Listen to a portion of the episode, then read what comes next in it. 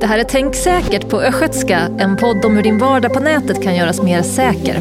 Och I det här avsnittet ska vi prata om platstjänster. Vad finns det för risker och förtjänster med att använda dem? Den beror väldigt mycket på vem du faktiskt är. Och den här rösten tillhör Anders Thoresson som är teknikjournalist och som ska hjälpa oss med sin expertis i de här frågorna. Och avsändare till podden är Regionbibliotek Östergötland, Götabiblioteken, Digital kreativ verkstad på Linköpings stadsbibliotek och Region Östergötland. Och den görs med anledning av MSB och polisens kampanj Tänk säkert och e-medborgarveckan. Vad är platsdelning och vad ska du tänka på innan du delar med dig av din plats när du surfar? I det här avsnittet av Tänk säkert på östgötska så får vi hjälp av teknikjournalisten Anders Thoresson med att reda ut de här sakerna. Hej och välkommen Anders! Tack så jättemycket, hej! Du är frilansande teknikjournalist och driver podcasten Digitalsamtal bland annat. Vad handlar den om? Den handlar om eh vad egentligen digitalisering är i väldigt vitt begrepp och hur den digitala utvecklingen påverkar hela vägen från individnivå upp till de allra största samhällsstrukturerna skulle man kunna säga, kortfattat. Mm, och du har gäster. Det har jag, jag eh, precis. Det, där är, det är forskare och det är politiker och det är företagsledare och det är privatpersoner och det är bibliotekarier och det är lärare och det är lite utav varje. En blandad mix. Mm. Men vi lägger en länk till den i våra show notes om man är nyfiken på den. Men vi kan väl börja på enklaste sätt bara med frågan vad är platsdelning för någonting? Um, platsdelning är ett, ett begrepp som handlar om att den tekniken som vi använder, eh, en mobiltelefon eller en dator, på olika sätt kan tala om för omvärlden var den just nu befinner sig. Och varför ska den göra det? Vem vill veta det? Det kan finnas jättemånga olika anledningar till det. Mm. Ett enkelt typexempel är att eh, om jag gör en sökning på Google eh, och söker efter pizzeria, då vill jag sannolikt ha pizzerior som ligger ungefär där jag befinner mig just nu och inte den bästa pizzerian i Los Angeles eller i Tokyo eller sådär. Så det är ett sätt där um, en sökmotor då kan veta ungefär var i världen en användare befinner sig och sen då helt enkelt anpassa sökresultatet efter var personen är någonstans. Men kan det också innebära att den här informationen om var jag finns, kan den vara intressant för andra? Den kan ju vara intressant för jättemånga olika eh, personer eller företag eller organisationer. Eh, det finns ju en ständigt uppblossande diskussion om hur rättsväsendet ska få ta del av var en mobiltelefon har befunnit sig till exempel. Och då, då är det eh, andra sätt som man använder. Då kan det vara vilka mobilmaster en mobiltelefon har varit uppkopplad till. Och sen mobiltelefonen har ju också en GPS, det här lilla chippet som kommunicerar med med eh, satelliter i rymden som på ett väldigt hög precision talar om var den är. Så att rättsväsendet och rättsvårdande myndigheter är, är en sån aktör som är intresserad av vad, var en mobiltelefon har befunnit sig. Eh, för annonsörer kan det här vara intressant eh, för att kunna visa platsbaserade annonser så att man inte annonserar för någon som inte fysiskt befinner sig där jag har min cykelhandel till exempel. Eh, i privatlivet så kan det vara intressant att dela platstjänster inom en familj, för att, eller plats, eh, positionen inom en familj, för att man ska kunna se var befinner sig mamma och pappa och barnen just nu. Så att um, det, det, alltså alla tänkbara aktörer som, som uh, utav goda eller onda anledningar vill veta uh, var någonstans någon befinner sig är intresserade av den här informationen. Så det finns ganska mycket användning för det här. Det finns egentligen många fördelar för oss att man kan göra på det här sättet. Ta reda på vart vi befinner oss med hjälp av mobilen. Ja, men absolut. Och, och, det tycker jag är viktigt att komma ihåg när man pratar om alla integritetsrisker eller alla problem som finns med tekniken. Att ganska ofta är det ju så att Eh, den har både sina uppsidor och sina nedsidor. Och att det gäller för beslutsfattare, politiker och lagstiftare att, att hitta en, en bra balans mellan hur ska vi se till att de nyttiga, positiva sidorna av den här teknikutvecklingen um, går att utnyttja men samtidigt stänga, stänga för så många som möjligt av avarterna och de, de dåliga sätten att använda teknik. Men om vi skulle gå in på just säkerhetsriskerna, vad är det, utsätter jag mig själv för någonting när jag aktiverar platsdelning på min telefon till exempel? Alltså, som alltid när, när det kommer till den liksom väldigt konkreta frågan, tar jag en risk om jag använder tjänsten X eller Y eller Z, så, så finns det inget generellt svar på den frågan, utan den beror väldigt mycket på vem du faktiskt är.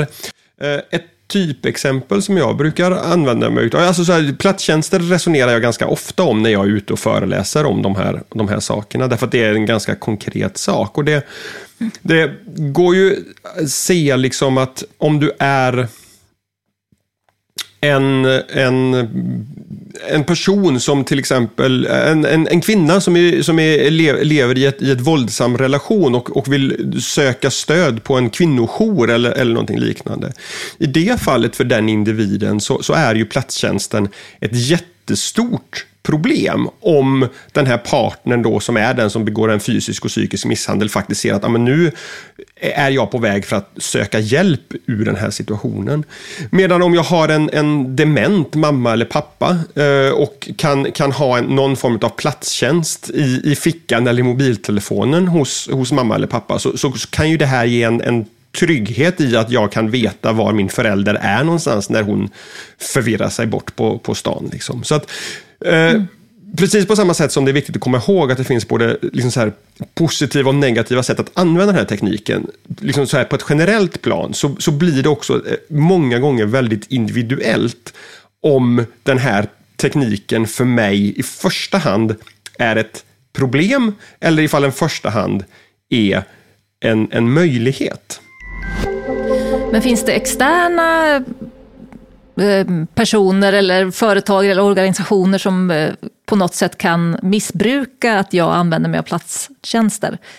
Kan, kan det leda in eh, i, till min, kan de ta reda på uppgifter om mig eller eh, om mitt företag eller min arbetsplats på något sätt via just den eh, tjänsten, platsdelningen? Uh, ja, det, det, är klart att det kanske går att tänka sig en sån situation, men jag tror, och jag ska komplicera det i, i, med ett svar på den här frågan också.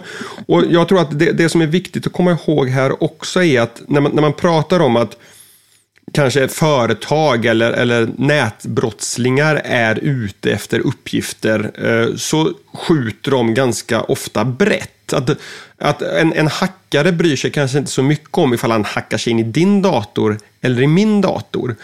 Um, så att, och, och, och, samma sak med ett, ett, företag som ägnar sig åt liksom personanpassning utifrån var någonstans i den fysiska världen som vi befinner oss. Bryr sig inte om ifall den där pizzannonsen visas för dig eller för mig.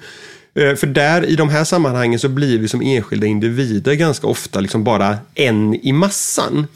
Så att därför kan jag också tänka att den här oron som många kan känna gentemot liksom stora företag och, och, och så vidare. Ehm, den kan många gånger vara befogad att, att fundera kring och resonera kring och liksom hur ska våra liv få lov att kartläggas och hur ska den här informationen få lov att samlas in. Men jag tror att de här, liksom så här faktiskt konkreta riskerna som går att peka på, liksom att man kanske ska liksom hamna i, i en fysisk fara eller eh, att, att eh, någon ska liksom kartlägga en väldigt detaljerat var någonstans brukar just du vara. Den risken tror jag snarare då kommer från just en, en en familjemedlem eller en snokande kollega eller någon som du faktiskt har ganska nära dig i, ditt, liksom, i din vardag snarare än de här lite mer anonyma storföretagen eller myndigheterna eller nätbrottslingarna. Så att återigen, liksom det här att, att eh, fundera på um, vem jag är. Eh, var brukar jag befinna mig någonstans?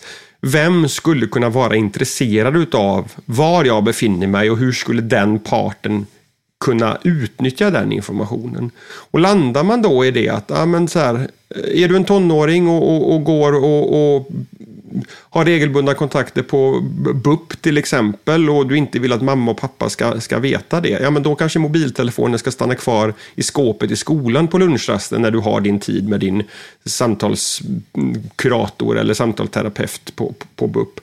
Eh, därför att annars finns det en risk att mamma och pappa kommer liksom så här vilja titta i din mobiltelefon och se att du är där en gång i veckan. eller någonting sånt där. Så att, eh, väldigt, väldigt ofta behövs det väldigt, väldigt personliga eh, avvägningar kring de här frågorna. På, på det stora planet där man har pratat om eh, myndigheter eller regeringar som spårar sina medborgare av, av olika sker det? Nej men ab absolut så, så, så, sker ju det. Eh, både, eh, eller kanske framförallt ur, ur liksom ett, ett, det här perspektivet när det finns en en uttalad brottsmisstanke. Eh, att då, då finns det ju möjligheter för rättsvårdande instanser att, att övervaka och sådär. Men mm. det, det, finns ju absolut länder runt om i världen där, där det här sker på mer slentrianmässig basis också. Eh, det gör det. Mm. För det, visst är det väl så att mobiloperatörerna alltid kan spåra telefonen oavsett om jag har platstjänster på eller inte? Ja, det, det, kan de göra. En mobiloperatör kan alltid veta var din mobiltelefon befinner sig. Därför att en, då använder man någonting som kallas för triangulering. Som, som handlar om att, att man mäter från flera olika basstationer i mobilnätet så kan man, kan man mäta signalstyrka och så vidare. Och då kan man få en ungefärlig plats utifrån den informationen om var mobiltelefonen befinner sig vid en viss given tidpunkt. Och det här är ju mm. då information som som jag sa förut, att det hela tiden är en pågående diskussion om hur länge ska eh, operatörerna behöva lagra den här informationen om var en mobiltelefon har befunnit sig och under vilka förutsättningar ska polisen då kunna kräva att få ta del av den här lagrade informationen. Mm. Men till exempel Google då, som kanske vill ge mig rätt annonser och så vidare och vill veta var jag befinner mig av den anledningen. Eh, lagrar de den informationen om mig sen eller försvinner den i samma sekund som jag stänger av min session på nätet? Eh, det beror helt och hållet på vad du har gjort för inställningar. Eh, mm. Jag har det inställt så att hos, i mitt Google-konto så är jag nästan helt säker på att jag inte har sagt åt Google att de behöver radera det. Vill man mm. radera det så går det in och, går, och, går att radera det för hand manuellt och det går också, eh, är jag rätt säker på, nu var det jättelänge sedan jag tittade faktiskt, men att det finns inställningar som, som gör att det raderas automatiskt eller inte sparas, sparas alls. Mm. Och hur gör du själv med platstjänsterna i mobilen? Har du på eller av? Har du någon eh, liksom, de, generellt så här? De är på, därför att jag mm. använder en hel del en hel del appar i min mobiltelefon som drar nytta utav, utav platstjänsterna. Eh, sen har jag mm. nog stängt av det för ett antal specifika appar. Eh, men för en ganska stor majoritet så, så låter jag den, den funktionen vara på. Mm. Bra, tack för jättebra information om detta. Du kommer ju vara med i eh, nästkommande avsnitt av Tänk säkert på östgötska också. Och då ska vi prata om öppna nätverk, så jag säger på återhörande. På återhörande.